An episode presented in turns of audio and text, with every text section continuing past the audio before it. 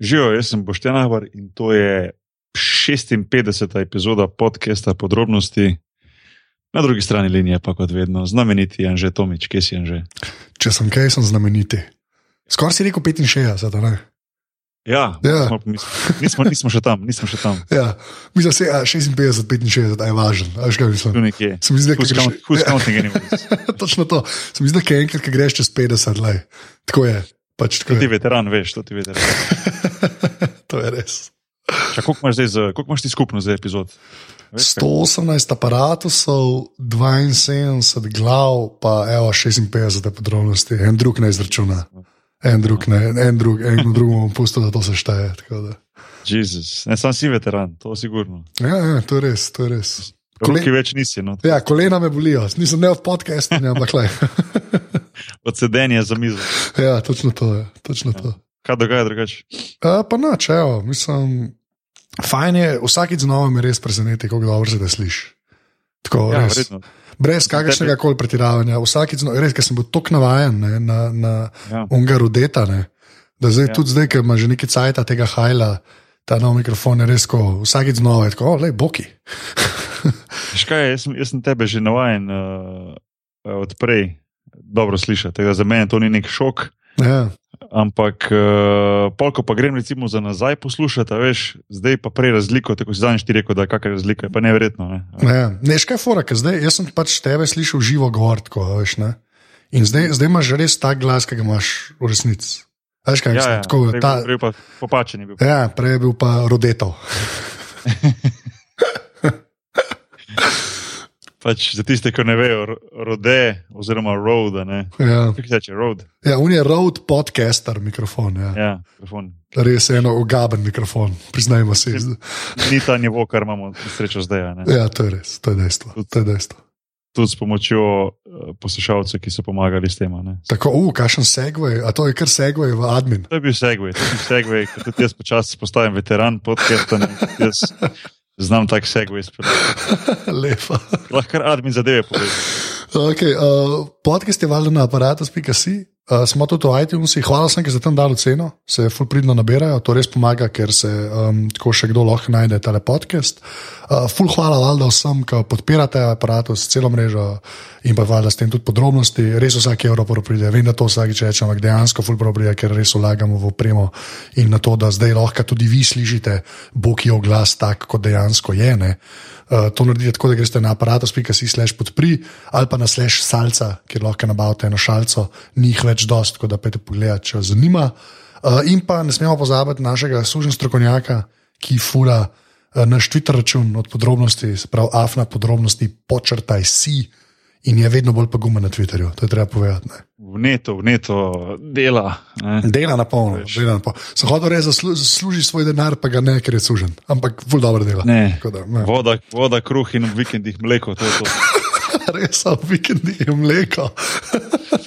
A to je ta, to ima lahko repete. Ne? To, Ja.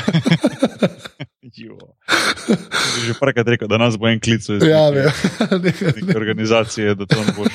Amnesty International bo ja. Mail poslal. Glavnem, International bo, bo ukinil ta podcast nekega dne. uh, Boki pove, kam bomo danes počeli.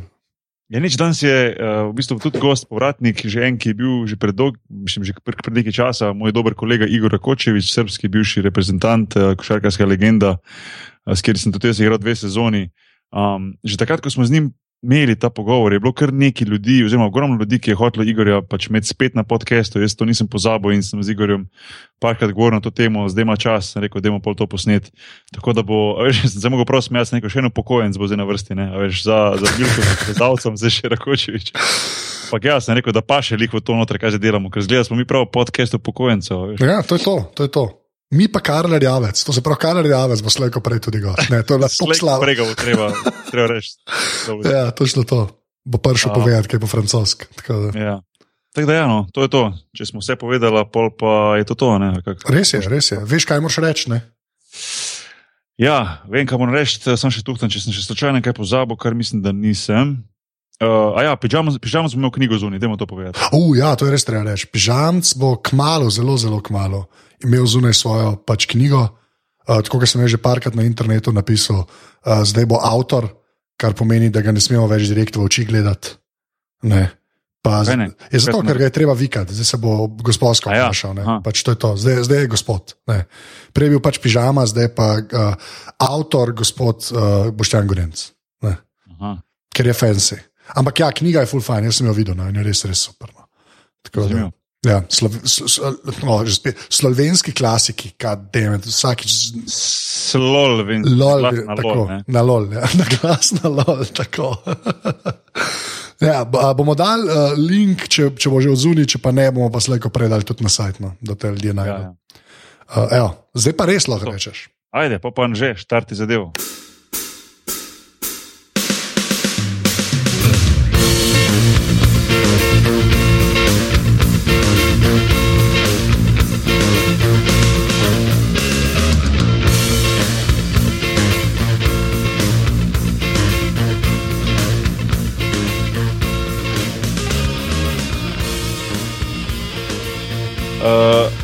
Prej sem pozabil reči, da bomo pač v, srb, srbo, v srbščini govorili, a ne?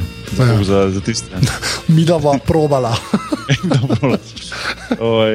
Gdje si Igore, šta ima? Ej, dobro večer, evo, odmara malo. Ti? Šta ima, no, šta ima novo u Beogradu? Pa mogu ti reći ima svašta, pao je sneg, pa sad svi planiraju na zimovanje, na skijanje. Ovaj, Od, otkad, vaterpolo, otkad, od, od, otkad Srbi skijaju? Da, to sam ja htio pirat. imaš kopaonik na, na, ovaj, na, na bukvalno dva, dva i po sata od Beograda i fantastični novi hoteli su se otvorili sa odličnom uslugom, dosta je skupo i bukvalno je mnogo teško naći mjesto. Moraš mjesec dana ranije da rezervišeš, a ima 50 hotela i opet sve puno, tako da O, wow. skijaju Srbi, skijaju, samo ne idu u Sloveniju. ili Srbija ili Austrija. Vi ste fini ljudi. je. Da, šta ti kažem. Čekaj, jesi ti, jesi ti kad skijao? Skijao sam prošlo, prošle godine, u februaru. Prvi I put. Mogu ti, pa prvi put da, i mogu ti reći Aha. ovaj, posle 3-4 dana već sam krenuo onako ozbiljnije da skijam, da skrećem onako paralelno kao oni, kao na profesionalci to i odličan je osjećaj. Ja sam uvijek imao verziju prema tome, više sam volio ono more i toplo i vodu i sve, ali kad sam ovaj, naučio da skijem, kad mi je bilo naporno nego postalo uživanje posle jedno 4-5 dana, fantastičan osjećaj. Napuniš se čistim, zdravim vazduhom, dobro je za tvoju krv, onda skiješ tako par sati i odeš da jedeš, lepo se najdeš i, ovaj, i posle u spa, baš je onako lepo. Dobar ti je to plan, da. Pa najbolji dio je kad sve skineš. Čekaj samo da oteram ženu, ne volim da slušam. Po, pozdrav je puno. Ne. Evo, Uh, uglavnom, ne, htio sam da kažem uh, da, da zanimljivo je da, da na primjer ti sa tri, koliko imaš sa 36, 37, 8 37. godina, šta je sam? 37 godina da nisi nikad skijao i onda ideš sa 36, 37 prvi put da skijaš i jer ti, ti ne znaš na primjer te razlike koje možda ja i Neže znamo od prije kako, je- kako je bilo skijanje prije kad smo bili mi deca od, od 10 godina. Da, I ti si sad- počeo sad- sa sad mnogo carvingom i to. Da, carving. Ti imaš carving skije, to je to. To je, sad- to je puno lakše. Prije je bilo... Da, Osim, os- osim ako nemaš neke stare ski od 2 metra 20 koje smo imali godine prije 30 godina, ali sumnjam. Ali, šta, a- Prije je bilo toga- mnogo teže, sad je lakše, sad je lakše, to hoću da kažem. Da, pa dobro, nije teško, poslije 2-3 dana naučiš. Ali zanimljivo je to što si rekao da tek sa 37 godina sam probao da skijam. Vidjet ćeš, evo ti završit ćeš karijeru uskoro, godinu, dve, možda posle ove, ne znam, ali, ovaj, ali vidjet ćeš koliko tih pravih životnih zadovoljstava si u suštini propustio dok si se žrtvovao za košarku. Da, Znači recimo skijanje, da odeš da izađeš u grad sa društvom, letovanje, da budeš puno sa decom, sa porodicom, mnogo, mnogo odricanja i tek poslije kad završiš karijeru vidiš šta si sve propustio.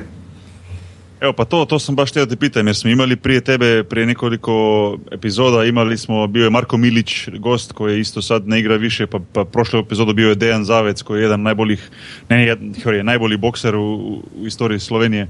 Um, isto on je sad završio karijeru i pričali smo mnogo o tome kako je kad jednom završim, završiš taj, te dobre i, i loše stvari. Sad si ti već jedno dve, tri sezone da ne igraš, e, kako ti je sad ono, kad se malo smiri život, nije, znaš, nije sad da se završio jučer, nego je prošlo neko vrijeme i sad vjerojatno malo drugačije gledaš na sve i na život i po drugoj strani na, na basket.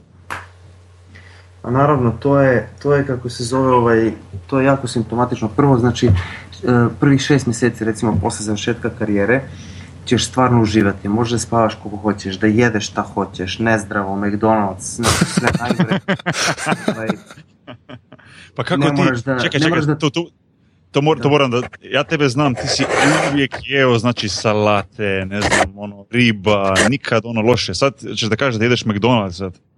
A, pazi, mogu ti reći da sam ovaj, možda jednom u, u, u par nedelja tako odem i jedem McDonald's.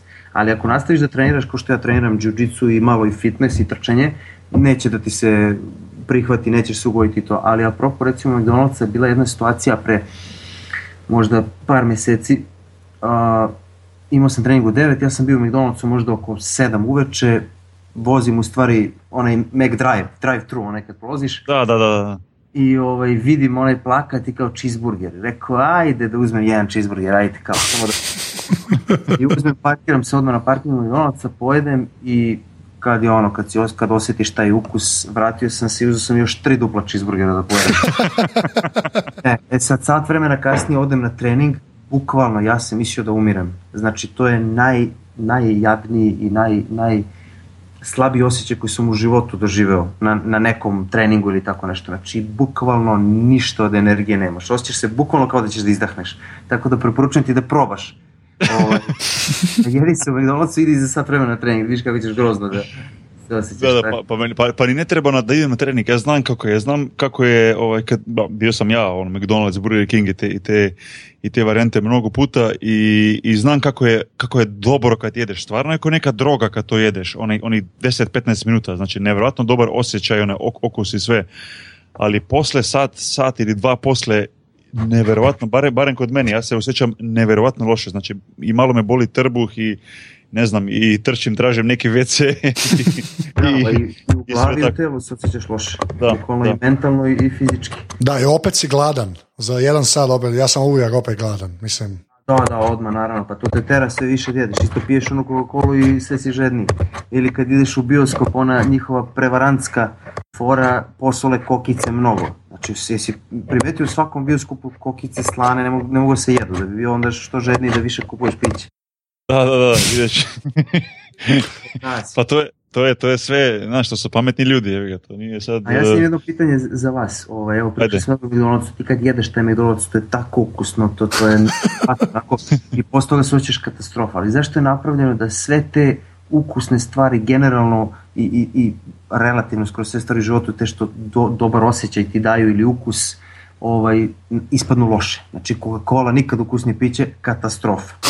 McDonald's, Burger King, najukusniji, katastrofa da, da ideš da. grad, piješ alkohol, da se opustiš, opet je katastrofa. Znači sve što je što Da. lepo, ti da lepo osjećaj je, je loše. Zašto? I slatko, I slatko isto, sve što je slatko, slatko, loše. da. Slatko je loše za tebe, znaš. Da, a grapefruit recimo zdrava, ne može se pojede koliko je grozno.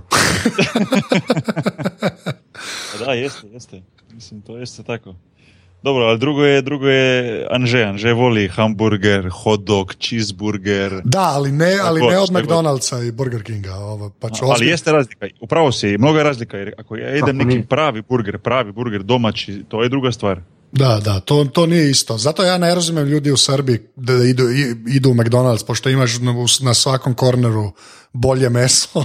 I, Pa znaš šta, ima po ovim tržnim centrima ima, ima svuda McDonald's i bukvalno imaš recimo kao sad je to sve ovako došlo iz zapad kod nas onako gore food court i sad imaš sve razne neke firme šta ja znam kuhinje i to. Najveća gužva uvek je ispred McDonald'sa Da, da, da, to je, to je, to je svugdje, to je isto ovdje, isto je bilo kad sam bio u Njemačkoj, isto je u A Rusiji. znaš šta je najjeftinije isto? Ti Je, je, je. onu hamburgerčinu i zasitiš se, a košta 120 dinara, to je 1 euro, tako da... Da, da, a cijela porodica jede za, za 5 eura ili 10 eura, da. Čekaj, vi imate onaj hor, horse burger tamo u Ljubljani, onaj sa konjskim mesom, je tako? Da, Da. da, da. A- Anže to voli. Mnogo. da. Mi imamo, mi imamo do duše restoran Potkovicu u Beogradu u centru i imaju konjske i paštete i tartar biftek i, i običan biftek i stvarno preukusno, baš je dobro i, i bukvalno osjećaš se snažno posle toga. Baš se, baš se primeti razlika. Ima u Ljubljani kaj Krušić isto je restoran, samo sve od konja, isto paštete i to. Isto je ja dobro. dođem u Ljubljanu, Boki me vodi samo u neke fast foodove, nikad mi je odveo lepo. Pa ne, sada treba, sada treba da idete na, na pravi burger, pošto ima u Ljubljani sad, ne znam, pet, pet ili šest ove ozbiljne burger ovaj, pl- place, place, tako da... Ne, ja, neću, neću. Igor, sljedeći put kad dođeš, ićemo u neko vegetarijanski restoran. A, kao Anka, da? Ma da, hvala Bogu. da. Ja sam navikao na to, baš, baš je dobro, baš je dobro. A i ti si otišao na to? Pa nisam kroz, ali nije loše. Da li si ti A svestan stvar- zašto, zašto ljudi imaju ove očnjake, ove, ove trojke, odnosno koji je to, 1, 2, 3, trojke, one oštre zube? Zato što su po evoluciji, po prirodi mesožderi. Možda Aha. otkriješ to meso, da, da, da si jeo samo hoće, u istoriji ne bi, ne bi ti izrasli ti oštri zubi, jel tako? Da. Pa dobro, mislim, Nisu oni oštri zubi, kažeš. zubi za luk i to, mislim. Da, da. Mislim, sa, sa Anžeto sam, sam probao na, na, to, na to temu više puta, ali vidim da on kod njega nema šanse da ikad. Za, je, za jedan dan. Anže je je- Anže je bio ikad jedan dan da ti nisi jeo meso. Pa se dogodi, ali nije, nije- ne, ne previše puta. Treba, Ja. treba da je meso, treba. Ako je dobro i domaće, to je najbolje. I najbolje je meso u Srbiji, ozbiljno, mislim, ta, ovo- ovi grili u Beogradu, to je meni, to je jedan ovaj domaći ajvar, to je najbolje. Da, da, da, odlično je, odlično. To je je- jedan poglavitnih razloga da ja volim u Beogradić. Onda, Ja, onda idem na one male markete i tražim dobar ajvar. to je tradicija. Pa kažem ti, to je, to je najveća čar e, skijanja. Bukvalno skijaš na zdravom vazduhu, ovaj, umoriš se, zamoriš se, onako smrzneš se malo i onda uđeš u neki onako drveni restoran, neku brvnaru onako i pucketa, vatra, toplo i kad iznesu kajmak i ćevape i luk, razvališ se, znači baš je onako... To je, to je ta kombinacija, skijanje domaća- i kajmak. Da, da, da, da, da. domaći ajvar, kiseli kupus, sve živo. A morat ćemo kad ja završim jednom skijanje i, i kajva, kajmak i ćevape. To, to je, čini mi se to dobra kombinacija, ozbiljno. Kako ne? Pa evo, odliču te, ovdje, ima mnogo dobrih restorana. Ali znaš šta, jedan je problem. Koliko ja tebe znam, ti voliš da, da, da, da takmičiš u svim stvarima. Znači, ja se bojim sa tobom na skijanje, znaš da, znam da prvi put, prvi put kad se penjemo na goru, ti ćeš da kažeš, ajde ko prvi stiže dole. Ja to znam već.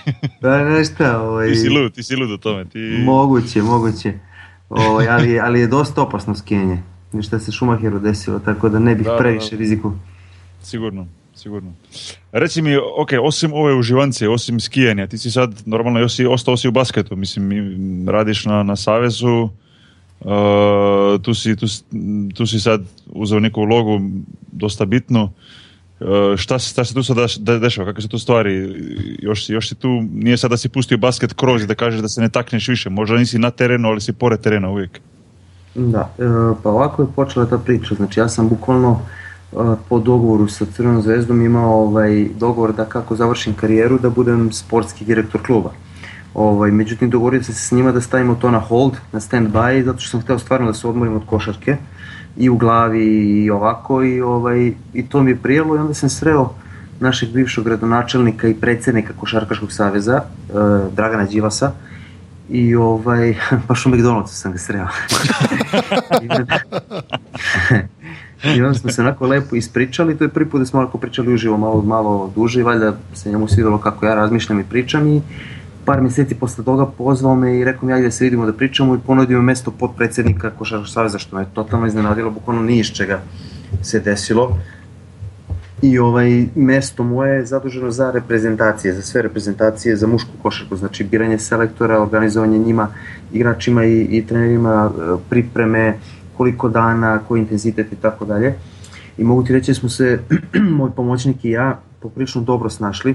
Prvih par mjeseci je bilo dosta teško jer izaći bukvalno iz patika u odelo i sada treba da ovaj, pričaš e, na sastancima po 2-3 sata gde ljudi vole da razlače i, ovaj, i u sportu tih, ima puno tih funkcionera, mi to zovemo jagnjeća brigada. Ovaj, jagnjeća brigada ti znači oni koji samo žele da dođu negdje i da žderuju i da piju i da budu tu 3 sata kad je besplatno. To se zove jagnjeća brigada. Toga, toga ima puno zato što recimo uvek se desi, desi neki skup, neki event ili utakmice, onda posle toga naravno domaćin uvek te vodi na večer i tako nešto i onda se svi nakače pojave i hoće po 3 sata da žderu i da sede, a ja sam ovaj to morao da trpim par dana i onda sam rekao vidi ja kad idem Znači ako je sastanak ili tako nešto, to je pola sata, odmah se prelazi na stvar, nema razlačenja, nema priče i to je to, tako sam navikao da funkcionišem i, i dobro ide. Uspeli smo da napravimo po prvi put uh, kontakt sa uh, ljudima iz košarke iz Republike Srpske, koje je tržište od skoro milion ljudi za nas, to je veliko tržište. I, ovaj, i, i, i uspeli smo da izvučemo uh, tri jako, jako talentovana klinica, od kojih jedan će možda biti NBA igrač. Uh, umesto da obuku dres bosanske reprezentacije, oni su obukli dres srpske reprezentacije što je normalno jer su u Srbiji. Tako da ovaj, mislim smo dosta dobrih stvari napravili u Savezu, ljudi su jako zadovoljni, ali dosta je prljav sport, ima dosta podmetanja, dosta ljubomore, dosta laži, nažalost, i mnogo je lakše biti igrač. Veruj me, bučeš one patike, šorc, izađeš na teren i to je to, a kad radiš oko druge stvari, na sto stvari možeš da razmišljaš. Mm, ne, mogu, mogu zamisliti, da. Ali meni je, meni je uvijek bilo fascinantno, to još kad sam bio klinac i pogotovo sad dok sam igrao, Uh, protiv, protiv srpske reprezentacije ili sad kad pratim reprezentacije to koliko, koliko je Srbija kako može Srbija, ta srpska škola košarke da godinom za godinu ima novu i novu generaciju uvijek u vrhu europske ili svetske košarke, uvijek vrhu, ili mladi igrači ili U18 ili U20, znači uvijek dolaze novi, novi, novi. Ako sad pogledaš na primjer Crvenu zvezdu, možda, ok, ove godine ne pratim toliko, toliko Euroligu, ali ipak uh, opet su tu neka nova imena, neki novi igrači mladi koji već daju, koji već nose igru, koji su tu e, mislim, koji, koji, koji je recept za to? Koji je, zašto, mislim, zašto mogu Srbi to da grade godinama tako? Ko je, tu, ko, je tu, ko je tu, kako se kaže, secret, uh, znaš, ono, tajna? Koja je to tajna da Srbi mogu to da raditi godinu za godinu? To je stvarno da. nevjerojatno. Kažu da je jedan od top 3 brenda u Srbiji košarka. Ovaj, vaš bivši selektor Božidar, Božidar Maljković, vaše slovenačke reprezentacije, je rekao Kaže, Beograd i Srbija je poznat po dve stvari, kaže, spektakularno dobra košarka i spektakularno lepe žene. To je njegova izjava. Tako da ovaj, upravo je i naravno ja bih dodao i Waterpolo koji stvarno iz godine u godinu neverovatne Stvarno, Waterpolo je toliko, toliko jak. Toliko smo dominantni da bukvalno svaki put je zlato. Znači, bukvalno momci su u zadnjih deset godina nebrojeno put osvojili zlato ili srebro u najgorem slučaju, tako da oni igraju, sad će igrati finale, tako da, da bit će fenomenalno. Ali najveći ipak bend je Novak Đoković, kad smo već kod toga, on je definitivno planetarna zvezda i, i svi prepoznaju Srbiju, Srbiju po njemu. Mm. Ali Šta, ono što sam hteo da ti kažem što se da. tiče Srbije, uh, mislim da definitivno velike zasluge imaju rezultati koje je Srbija pravila u prošlosti, bukvalno u svakom periodu zadnjih 50 godina Srbija osvajala medalje i, i bila na među nekoliko top ekipa u, u svetu. Tako da ovaj, to je jedna stvar, a drugi najveći razlog je što imamo dobru struku. Znači imamo mnogo dobre e, trenere, imamo mnogo dobre klinike, imamo mnogo škola košarke, mnogo klubova i ovaj i dosta se sada pogotovo posle ovih uspeha reprezentacije u zadnje vreme igra košarka i na ulici što je u neko u neko vreme bilo bilo skroz prestalo. Tako definitivno treneri i to je ta neka inercija, škola je uvek dobra i deca se uče kod sve boljih i boljih trenera. Recimo Siena, uh, Montepaschi Siena, jedan od najboljih i najčvršćih evropskih kluba do pre par godina kad je ispao problem sa financijama, ali njihova mlađa kategorija, pa to je katastrofa. To je znači deca od 100 do 40 kila, znači, znači ima jedan tamo ne može da trči da trenira, samo sedi sa strane obučen u dresu, znači bukvalno nemaju niti selekciju, niti, niti mislim da u drugim zemljama toliko interesovanje za košarku, i ovaj, treninzi su kao, kao igra, kao rekreacija, a ovde već decu sa 7-8 godina već viču na njih, uče ih uh, bodiček, ne znam, uh, leđni blok, znači bukvalno od, od prvog momenta više to nije igra za decu nego i rekreacija, nego ozbiljan rad, onako ozbiljan, ozbiljan trening.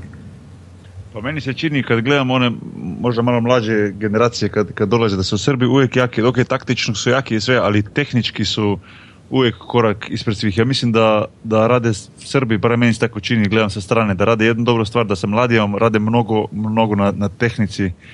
Uh, a, a, kad pričam sa trenerima, na primjer u Sloveniji, više ovdje na zapadu, svi više fokusiraju taktiku. I tu je, i tu je, mislim da je neka velika razlika da da mogu mladi već, već sa toliko godina, jer taktu, taktiku je lakše naučiti, razumiješ, ako imaš i dobru bazu tehnike, onda možeš sve, ali obratno ne može. I tu ja mislim da, da, da Srbi rade dobar, dobar posao, ne znam. Slažem se, slažem se apsolutno sa tobom i sad od prošlog leta reprezentacija koju sam ja sastavio zajedno sa Đokićem trenerom je osvojila zlato na evropskom prvenstvu u, u Italiji. A, baš gledajući te utakmice, baš mi je to palo na pamet. Evo recimo mi smo imali 12 igrača i kogod igrača da, da ubaciš, on je tehnički mogu u levu stranu, u desnu stranu, da šutne da. iz opeta, e, da ide na, polaganje, da šutne za 3 poena, da naskoči šutne za 2 poena, da doda. Znači, bukvalno svi igrači su bili fantastično tehničko potkovani, dok recimo u svim drugim ekipama imao si dva, tri igrača koji znaju da urade manje više sve i svi ostali imaju, ali da im nešto fali. Znači, mm. jedan ide samo u levu stranu, slabo mu je desna ruka, jedan ne može da šutne, nego samo ide na prodor i to je nevjerojatno karakteristično je da svaka skoro ekipa imala te ovaj, nedostatke u, u većini igrača. Recimo, koja, koja, koja ovaj zemlja takođe je jako dobro tehnički potkovana je Hrvatska. Mislim, mm -hmm. ne kao Srbija, ali Hrvati isto ovaj, dosta dobro rade i treniraju i, i, i obraćaju pažnju na taj aspekt E, tehnički aspekt, znači dribling, okret, e, gore glava kad driblaš, bukvalno sve te male stvari koje, koje prave veliku razliku. Da, i, e, pogotovo Hrvati sad imaju isto mlado, mlade generacije mnogo jake. De, baš meni se čini da Srbija i, i Hrvatska imaju mlade jake, a, a druga stvar je Slovenija što nažal, mislim žao mi je, ali koliko ja pričam baš sad ide, ide dole malo ovaj generacije koje dolaze da neće biti na tom nivou što je što je, da. što je razočarajuće za nas, normalno. Pa vidio sam samo... si negde, da si ti negde napisao na Twitteru, čini mi se da, da neki rezultati testiranja dece u, u školi su mnogo gori nego pre nekoliko godina, valjda zbog te ishrane, zapada, svega što dolazi. Da, da, da, pa to, pa to. McDonald's. To, da, da, da. McDonald's, McDonald's sindrom, sindrom, ali jeste mnogo na tome.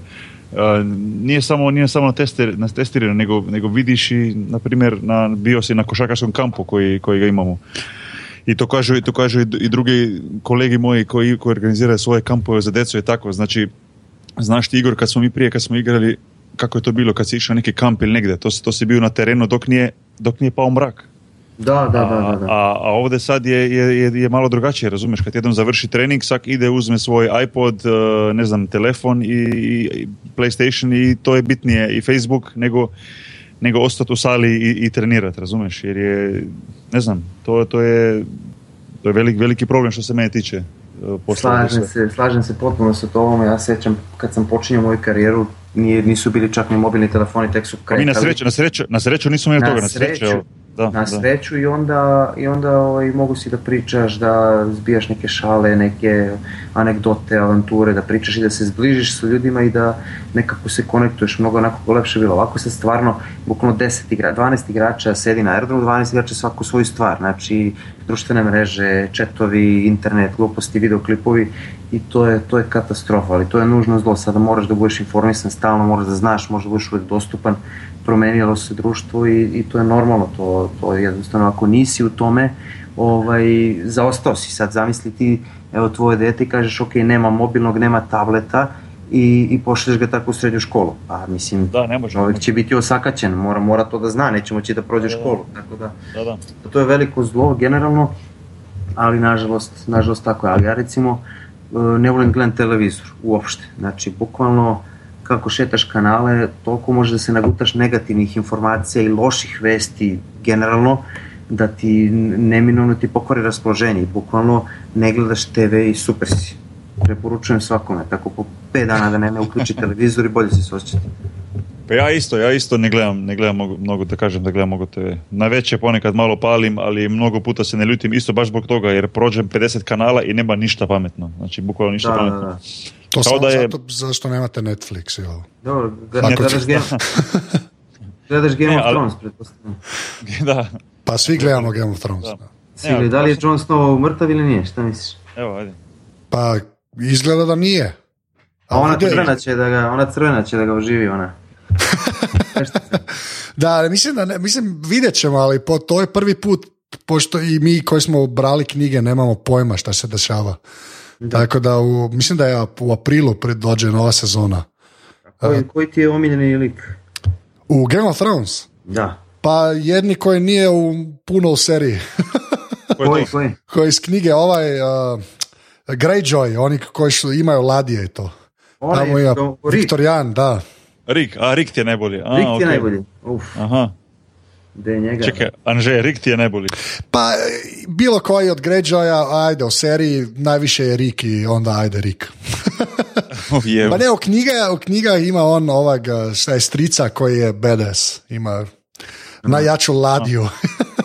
ja sam Ali, nije ladije. to, ali u, u seriji nema mnogo toga, a? Ne, kao da će biti ove, ova sezona. Ja to već čekam tri sezone, tako da...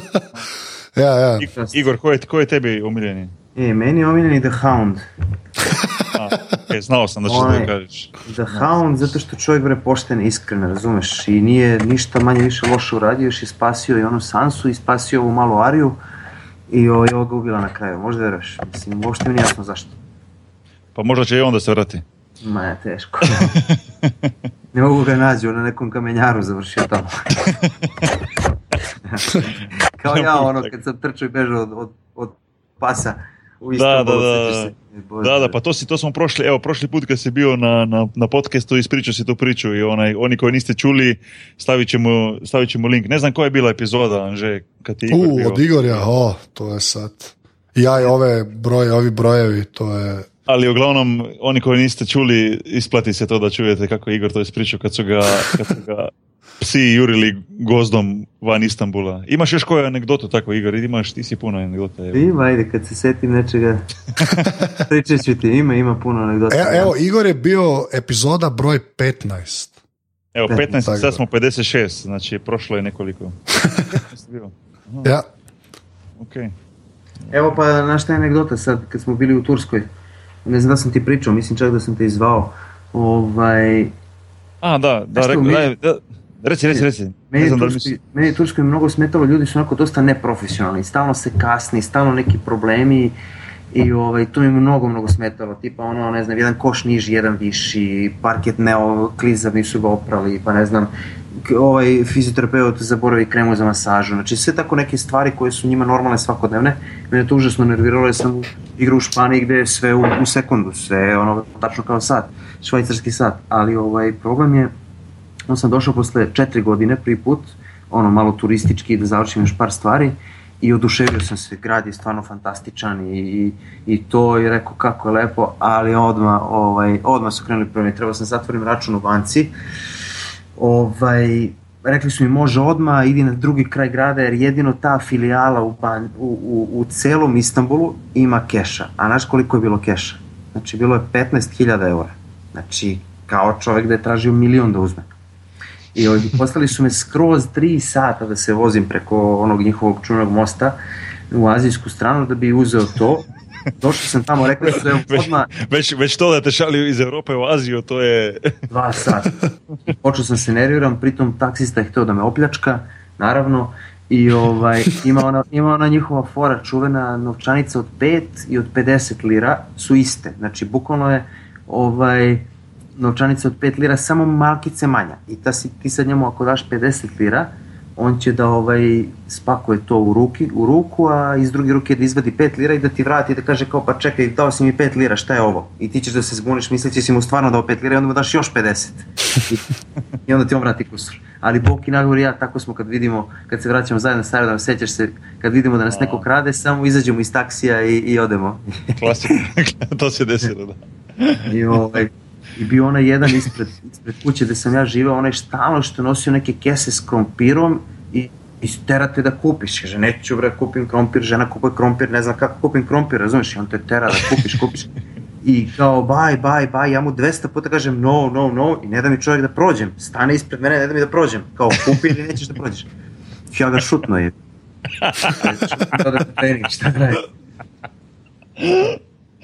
Šutno te jedno kada sa krompirom. Evo.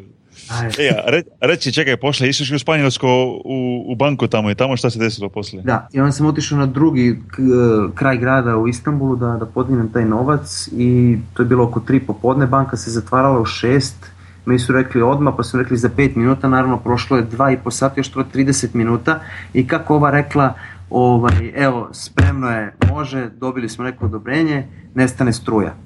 I sad ako nestane struja do 6, ako ona ne može to kroz sistem da, da sprovede, ja moram da dođem sutra, da gubim opet ceo dan. I nerviranje, i onda je došla struja posle 10 minuta i ona je krenula i opet ju se nešto blokirao kompjuter i onda je opet nestala struja. Znači, to je katastrofa. To je, možda To je, to je za one ljude koji nikad nisu živjeli, živjeli u Istanbulu, ne znaju da je to normalno tamo, takav život. Da, da, sasvim normalno, tipa ono kad se vozimo autoputem ti ja kad smo išli tamo da na onaj Da. trening i ima putokaz desno i levo. Ti sad biraš da li ćeš desno ili levo i ti si kažeš ok, ja idem levo, manje guža, odeš levo i ne možeš da izađeš sa autoputa 20 km. Znači zatvor rade nešto i A nikakve table, nikakve table, ništa. Nikakva Da. tabla, nešto kao nema za 20 km, nego moraš tu da bi išao desno, nego kao biraj levo ili desno. Nevjerovatno. Malo sam poludeo ja tada, kad, su, kad se to desilo. Pa ti si udarao, ti si onako počeo fuck, fuck i onda si počeo da udaraš, da udaraš rukama po airbagu i onda si naslonio se nazad na sedište i nogama si počeo da udaraš. A je sećaš kada si izustio policajac kad sam ja popizdao, kad sam izašao, kad sam počeo da šutiram auto. Kad je policajac rekao, ajde pusti, idite, bežite. I, ne znam ljudi Znači- koliko je frustrirajuće iz, iz ovaj, kako ti kažem, strukturirane i organizovane lige da odeš u, u Tursku ligu i, i, i taj mentalitet koji je, to su dobri ljudi, ali, ali to je onako malo neorganizovano i onda je baš frustrirajuće. Ali dobro, da. bilo je zanimljivo.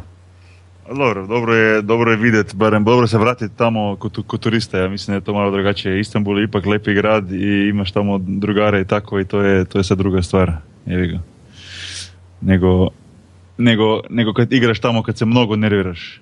Kad ti je Da, tamo, bilo nam, ja mislim da nam je bio lep život van, van basketa, ali sa basketom bilo je mnogo, ovaj, mnogo smo potrošili tu energije živaca Da. i svega. Da. Baš te neki- ali ovaj, pa iskreno ti kažem, moja najveća greška u karijeri, mogu to otvoreno kažem, je što sam umjesto da ostanem u tau keramici, što sam otišao da igram u, u Turskoj. Znači, bez ikakvih sad loših nekih ovaj, emocija ili želja da prema mom klubu koji je izuzetno, Efes Pilsen, bivši klub koga izuzetno poštujem i, i dan danas imam tamo prijatelje i oni su jedan od najboljih kluba tamo, ali generalno ceo mentalitet tamo i organizacija uopšte mi nije leglo.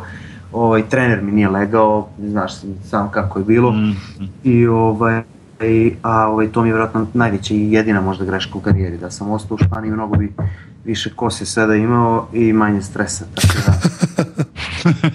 ovaj, ali dobro, ko zna zašto je to bilo dobro, jednostavno ja sam bio zasitio, trebalo je ogromnu proceduru prolaziti da dobiješ vizu za Španiju, za prijatelje, za porodicu i onda i to bila muka i onda sam eto rekao ajde da budem bliže malo kući da promenim, ali da sada mogu da vratim vreme, ostavio to u keramici još jedno Ostavi, da, da, da. 10 godina. Ali je okej. Da, da, ali dobro. Mislim, imali Jedino smo što je nama dobro bilo u Turskoj što smo se to malo upoznali, zbližili i što smo počeli Da, malo da. da se bavimo džuđicom ovaj, koja je jako, jako dobar sport i vidjet ćeš, ja čekam da kreneš da treniraš. pa ja, ja da čekamo, znaš da već godinama sad da pričamo o tome, a ka- kako ti to ide, reci, to si sad eh, napredovao se mnogo, samo što si nešto si imao neke probleme, ram, rame ili ili imao šta si sam ozlijedio? e, rebro, rebro sam slomio nažalost na treningu, baš onako nesrećan slučaj i malo koleno sam povredio, ali, ali sam pre par mjeseci dobio ljubičasti pojas. I ovaj, to je sad si na pola puta otprilike, znači još toliko otprilike i crni pojas. Tako da ovaj, jako je dobra stvar, vidjet ćeš kad naučiš, kad dobiješ neko iskustvo, onda bukvalno sa uživanjem ono, ovaj, radiš bez nekog velikog naprezanja sa fenomenalnim efektom. Znaš kad treba da malo se napregneš, da, da, da radiš maksimum, znaš kada da samo stojiš, zavisno od pozicije i ovaj, odličan je taj osjećaj kad recimo sad ne znam, imaš neki konflikt na ulici ili neku onako negativnu energiju, neko prema tebi ispudi neku agresiju i ti znaš da možeš da ga, da ga spakuješ i submituješ ili tako nešto za, za 20 sekundi i onda ti ovaj, to ti da onako neko samopouzdanje, neki mir i samo propustiš ovaj, ludaka, samo kažeš ok, važi, hvala, prijetno, doviđenja, razumiješ? Pa super, da, da, da. Ali zna, znaš šta mi se uvijek prič, eh, sviđalo kad smo onako pričali sa ovim koji trenira što oni, što kad oni putuju, da bilo gdje da ideš, možeš da, da ideš u bilo koji, koji taj gym i, i tu da treniraš i učiš od tih ljudi. Znači, to ima neka takav worldwide community, znaš, svi su nekako, ne znaju se, ali znaju se. Znaš šta mislim? A to Isto si ti, jel tako, ti si putovao, bio si u već gradovima pa si samo uzeo s sobom taj gi, tu kimonu i ušao u neki gym i tu treniraš i, i već upoznaš tako ljude i dru- drugar si s njima i pričaš i, i, tako, i tako to ide, jel tako? To ti, je, to ti je bukvalno jedan od redkih sportova koji ima taj aspekt uživanja. Gde god da si, uvek će biti neki klub i oni imaju na internetu svoj schedule i, ovaj, i znaš kad je open mat, kad je, su svi dobrodošli, ako hoćeš se priključiti na trening, samo pozoveš, svi će te uvek pustiti besplatno i super što nove ljude, nove tehnike upoznaješ. Zamisli ti sad ti možeš svaki dan da igraš sa nekim drugim ljudima košarku na tom nivou, da, da vidiš neke fore, da naučiš, tako da fantastično je ovaj, i dobro je kad si neki napredni pojas i dođeš i onda te gledaju onako sa nekim poštovanjem pa pokažeš nešto, neku tehniku, onako baš je, baš je zanimljivo. Siguran sam ćeš baš uživati u tome. Da, da, znam, jer zanimljivo je recimo, na primjer, jer, jer ne znam, u basketu možda nije, ne bi bilo baš tako, ako bi ti ušao u neki, u neki, neki gym gdje se igra neki basket, znaš, uvijek je, je malo drugačije te gledaju, ali kod jiu je to, to uvijek da te, da uvijek te prihvate otvorenim rukama. To mi je bilo uvijek mnogo, mnogo mi se dobro činilo to. Da, pa takva, to je, to je isto takva, i... Takva kultura, znaš. Oko takva toga. kultura, ali to je isto i, to je isto i stvar uh, borilačkih veština. Bukvalno svaka borilačka veština iziskuje neki, neku čast, neku ponos i neku, uh, neko poštovanje prema drugu. Ti kad igraš basket, igraš kako se zove da pobediš, da se zabaviš tako dalje, ali ovo je ipak sport u kome su moguće povrede, u kome se koristi snaga, da nekoga dovedeš u nezgodnu poziciju, da ga udaviš i tako nešto. I onda ovaj, na neki način postoji veliki respekt i prema onome koji je bolji od tebe i znaš da može da te savlada i, i od onoga koji zna da si ti sad slabiji i, i, i postoji taj neki respekt, onako baš se to oseti. Aha a i sve te japanske kulture koje su ponikle u Japanu, oni znaš kako smo stalno klanjaju i to, oni imaju tu neku ponos, čast, respekt na, na vanserijskom nivou. Tako da, ovaj, da, da, da. To Super, ne, dobro, ja mislim da je, da je mnogo bitno da se čovjek nađe nešto kad završi, na primjer, sportsku karijeru, da ima ne, neku stvar u kojoj je aktivan, da li je to isti sport ili nešto drugo, ali um, sigurno je to, je, to, je to samo dobro. Tako da je, jer znaš, imamo to u sebi, jer ti, na primjer, ti si, ne znam, 30 godina, vjerojatno svaki dan bio u sportu, bio u sportu, bio u sportu i, i nemoguće je očekivati da će sad odjednom da se preseće to i da ne radiš ništa više, znači ne bi mogao. A u isto vrijeme možda imaš dosta basketa, pa ne bi sad bilo baš dobro da ideš ti svaki dan u neku salu tamo da šutiraš na koš što, šut, što šutuješ, šta će ti to, razumiješ?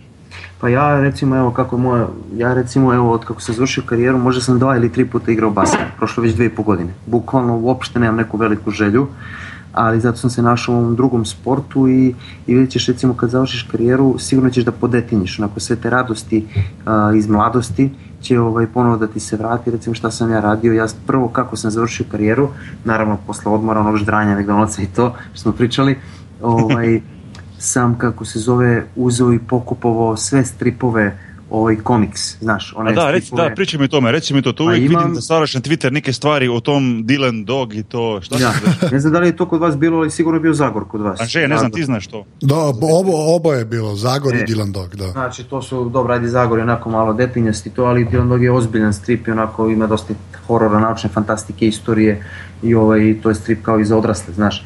I ovaj, ja sam to skupio kao klinac i sećam se kako se zove, ovaj, kako se završi karijeru, odmah sam otišao i počeo da kupujem to, da tražim, to je trajalo recimo 5-6 meseci da ti skupiš sve, sva izdanja i svaki broj koji je ikada izašao na Balkanu, odnosno na, na našem jeziku, srpskom ili hrvatskom. I ovaj, i ovaj, to je bilo zadovoljstvo, skup, zadovoljstvo e, skupljati. Imam sigurno najbolju i najkompletniju kolekciju ovaj, kod nas. Znači, bukvalno ni jedan strip mi ne fali od Dylan Doga, od Alan Forda, od Zagora i ovaj, i baš sam ponosan ako baš uživam Kol, u tome. Koliko je to, koliko je to stripova zajedno? Mislim, pa ima oko hiljadu, hiljadu stripova ima. Jebote. A šta da, šta da imaš neko vatru tamo i nešto je sve zgori? Pa, šta je tu?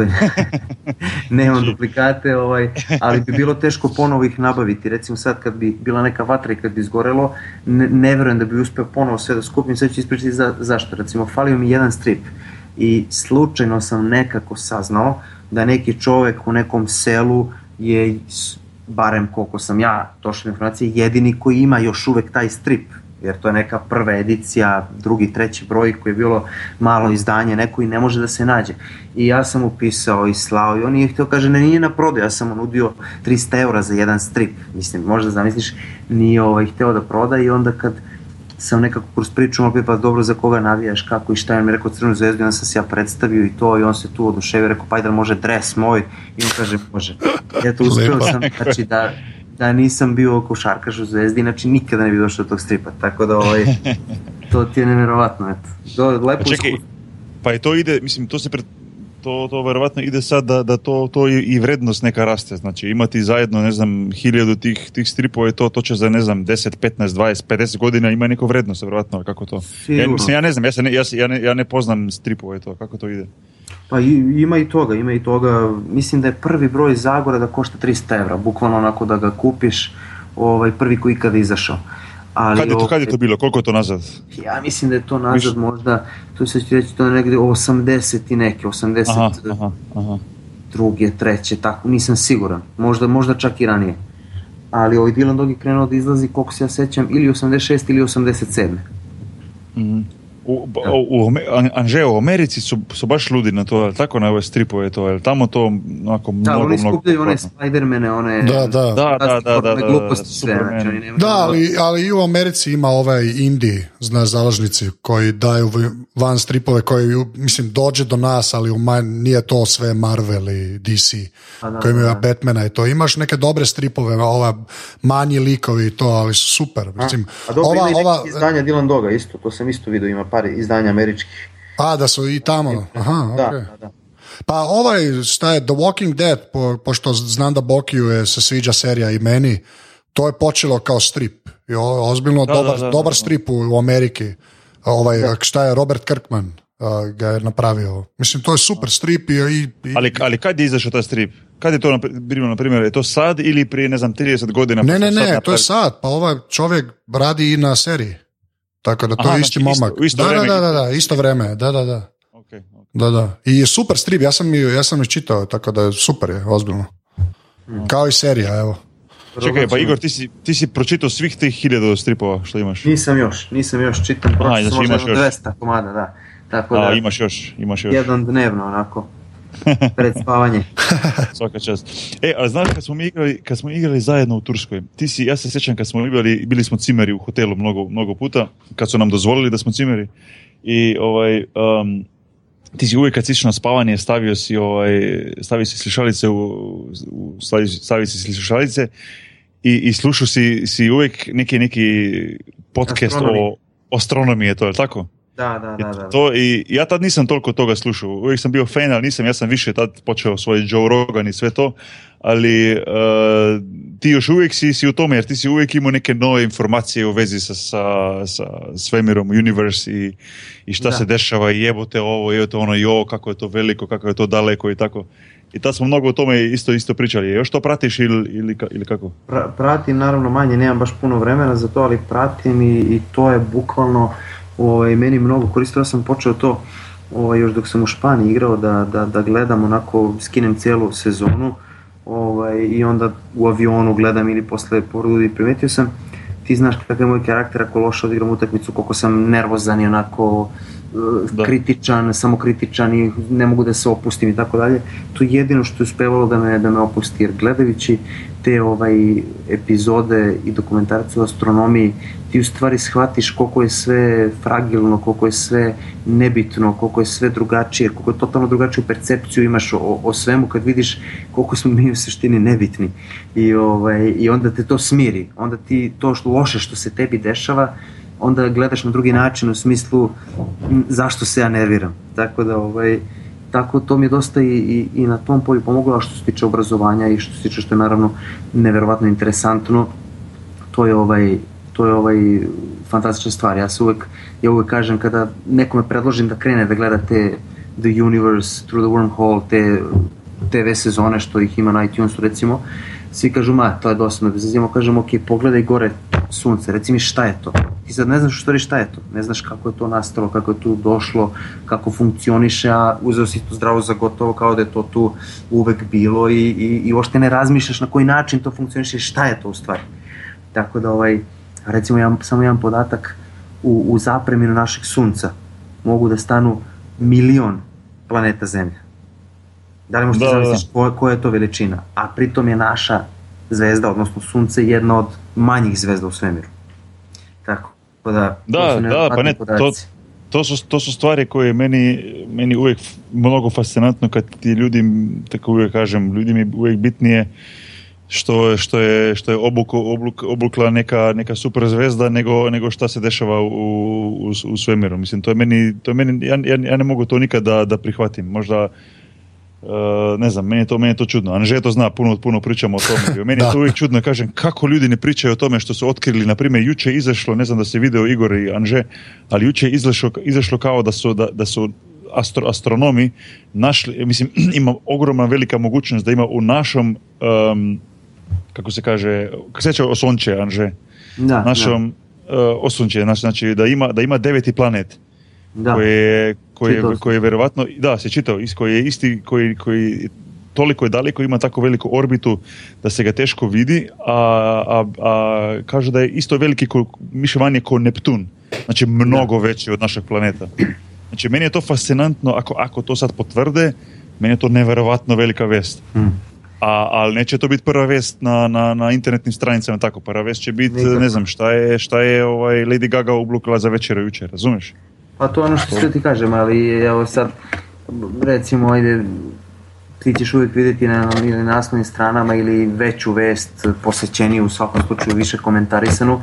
Ne znam Madonna stavila silikone nego otkrivena nova, nova planeta ali tako, a sad ću reći zašto? Zato što da se ne lažemo iskreno većina stanovništva na planeti su jako glupi ljudi neobrazovani. Znači 90% ljudi su jako nisko obrazovani i sad onda uzme da gleda neku emisiju da će neki profesor astronomije da priča o svemiru, on to ništa neće da razume, on će da okrene da gleda onaj uh, reality show, da gleda ove kako se psuju, vređaju, ovaj, gađaju, ne znam, ovaj, i, i svađaju, to, to će njemu biti zanimljivo, on to razume i osjeća se dobro jer gleda na TV-u nekoga koji je gori od njega i kaže pa ja nisam toliko loš i ne osjeća bravo, se Bravo, bravo, dobro si rekao. Da, da, da. Ovaj, a kako zove sad, ne, ti uzmi sto svojih prijatelja, dobro, ajde ti imaš i, i pametne prijatelje, ali recimo 100 normalnih momaka uzmi iz, iz Ljubljane i stavi ih da gledaju ovaj, neku emisiju tako o fizici recimo 90% ih neće ništa da razume, neće im biti zanimljivo, samo će promeni kanal. Tako da zbog toga ovaj, oni prave te emisije i te gluposti jer se to prodaje. Da, da, sigurno. To je, to Šta ti je prodavanije? Neki tabloid, onaj yellow, žuta štampa, kako se zove? Da, Yellow Pages, da, da. da, da. Yellow, ili, ili, ili, ovaj, ili naučni magazin neki, šta ti je prodavanije. Da, da, Tako da, sigurno. To ti je to. Ali dobro, isto, bolje i, si u ovoj grupi koju zanima to, onda si, onda si okej. Okay. Da, da, da. Isto, isto, vali, isto važi za TV, ako, ako najveće upališ TV i, i prošeta se kanalima, imaš od, ne znam, od 30 kanala, 100%, 10 ih je ovaj, uh, neki reality show glupi, da se nešto svađaju, kao što si rekao, ili što je neki Big Brother snima tamo su u nekem krevetu leže i pričaju gluposti i tako. Mislim, ne znam, Anže, vo, Anže voli to. Anže voli. Ne, ne, ne volim ja. ne reality ja uopšte ne gledam. Ja ovaj, dobro, pazi, realno, stvarno je zanimljivo kad gledaš one reality show emisije kad se svađaju. To je stvarno zanimljivo. Mislim, smešno je, stvarno je smešno, ali je onako jadno, zabrinjavajuće. Ali ovaj, ima sad tu i druga teorija. Baš sam pre neki dan gledao, kod nas mi imamo farmu, znači neke poznate ovaj Čekaj, Anže, imamo kod nas to isto, ili ne? Da, da, kmetija. kmetija to. Znači, uzmu te poznate estradne ljude, pevače, šta ja znam kogod i pošalju ih tako na farmu, oni se tu svađaju, vređaju, psuju. I ovaj, ali, ali gledam nešto pre možda par nedelja, gledam i razmišljam, oni se bre smeju tamo isto, oni pevaju, nasmejani, srećni, pa njima je lepo. Znaš, ima, ima Bora, ima ovaj Bora Čorba, Riblja Čorba, naša čuvena muzička kluba. Da, da, da. da, da. Ima jednu pesmu o kako je lepo biti glup. Ako si glup, ništa ne razumeš, ništa te ne brine, ništa se ne nerviraš i ništa ti nije jasno. I samo se smeješ i. Da. Tako da ovaj, možda je ponekad i bolje biti glup. Pa u mnogo slučajeva je vjerojatno bolje biti glup jer tako što si rekao, prođe vreme i ti se ništa ne sekiraš i uvijek si zadovoljen to je to. Znači ne brineš se ništa od sekiracije realno nema, nema ništa. Tako? Pa, ponekad si ja želim da bi bio mnogo gluplji. kako je bilo dobro da ne bi, baš zbog sekirancije i toga, razumiješ, kažeš ma jo, kako bez veze, samo da bi bio, samo da bi bio glup, da se smiješ i razumiješ da si zadovoljen i to je to. Igor, reci mi planovi, planovi šta imaš za, za, za ovu godinu, za, za budućnost, za dalje, ili ideš day by day, kako kažu? idem ovaj, za desetak dana na skijanje sa porodicom, malo da, da, da se... Skijanje ćevapi, da? Da, skijanje ćevapi luk. I, ovaj, i, i, pa to je manje više to, nemam nekih planova, planiram da treniram, da izlazim na ta takmičenja, da radim u našoj košarci, da pomažem toj deci koje žele da se da se izvuku iz, iz problema, da im se da dobar savet i da ovaj ništa da uživam sa, sa decom ovaj, koju sam dosta zapustio zbog karijere, ovaj, pogotovo sina, ali to je neminovno, nažalost. Tako da ovaj sad, eto Ivan, Ivan i ja koji ima 7 godina igramo zajedno video igrice, recimo za animacije iz mladosti koje sam nažalost propustio i sad sa njim ovaj, on raste i počinje da igra te igre koje meni nedostaju ja sa njim, tako se ono malo kako da kažem, prikačim pa ja uživam u tome. Čekaj, on, uh, vidio sam nešto na Twitteru da se napisao da voši, voli više futbol od basketa, šta je sad u tome?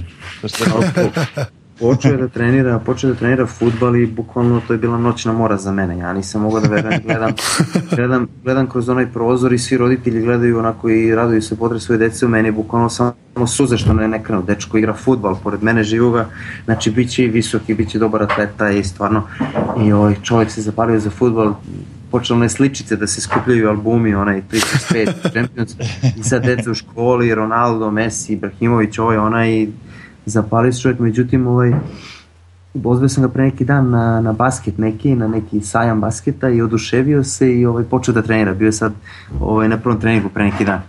Za šta? Nisam čuo, za šta si ga stavio, da? Za košarku. A, super, super, super, super. Da. Lepo, lepo.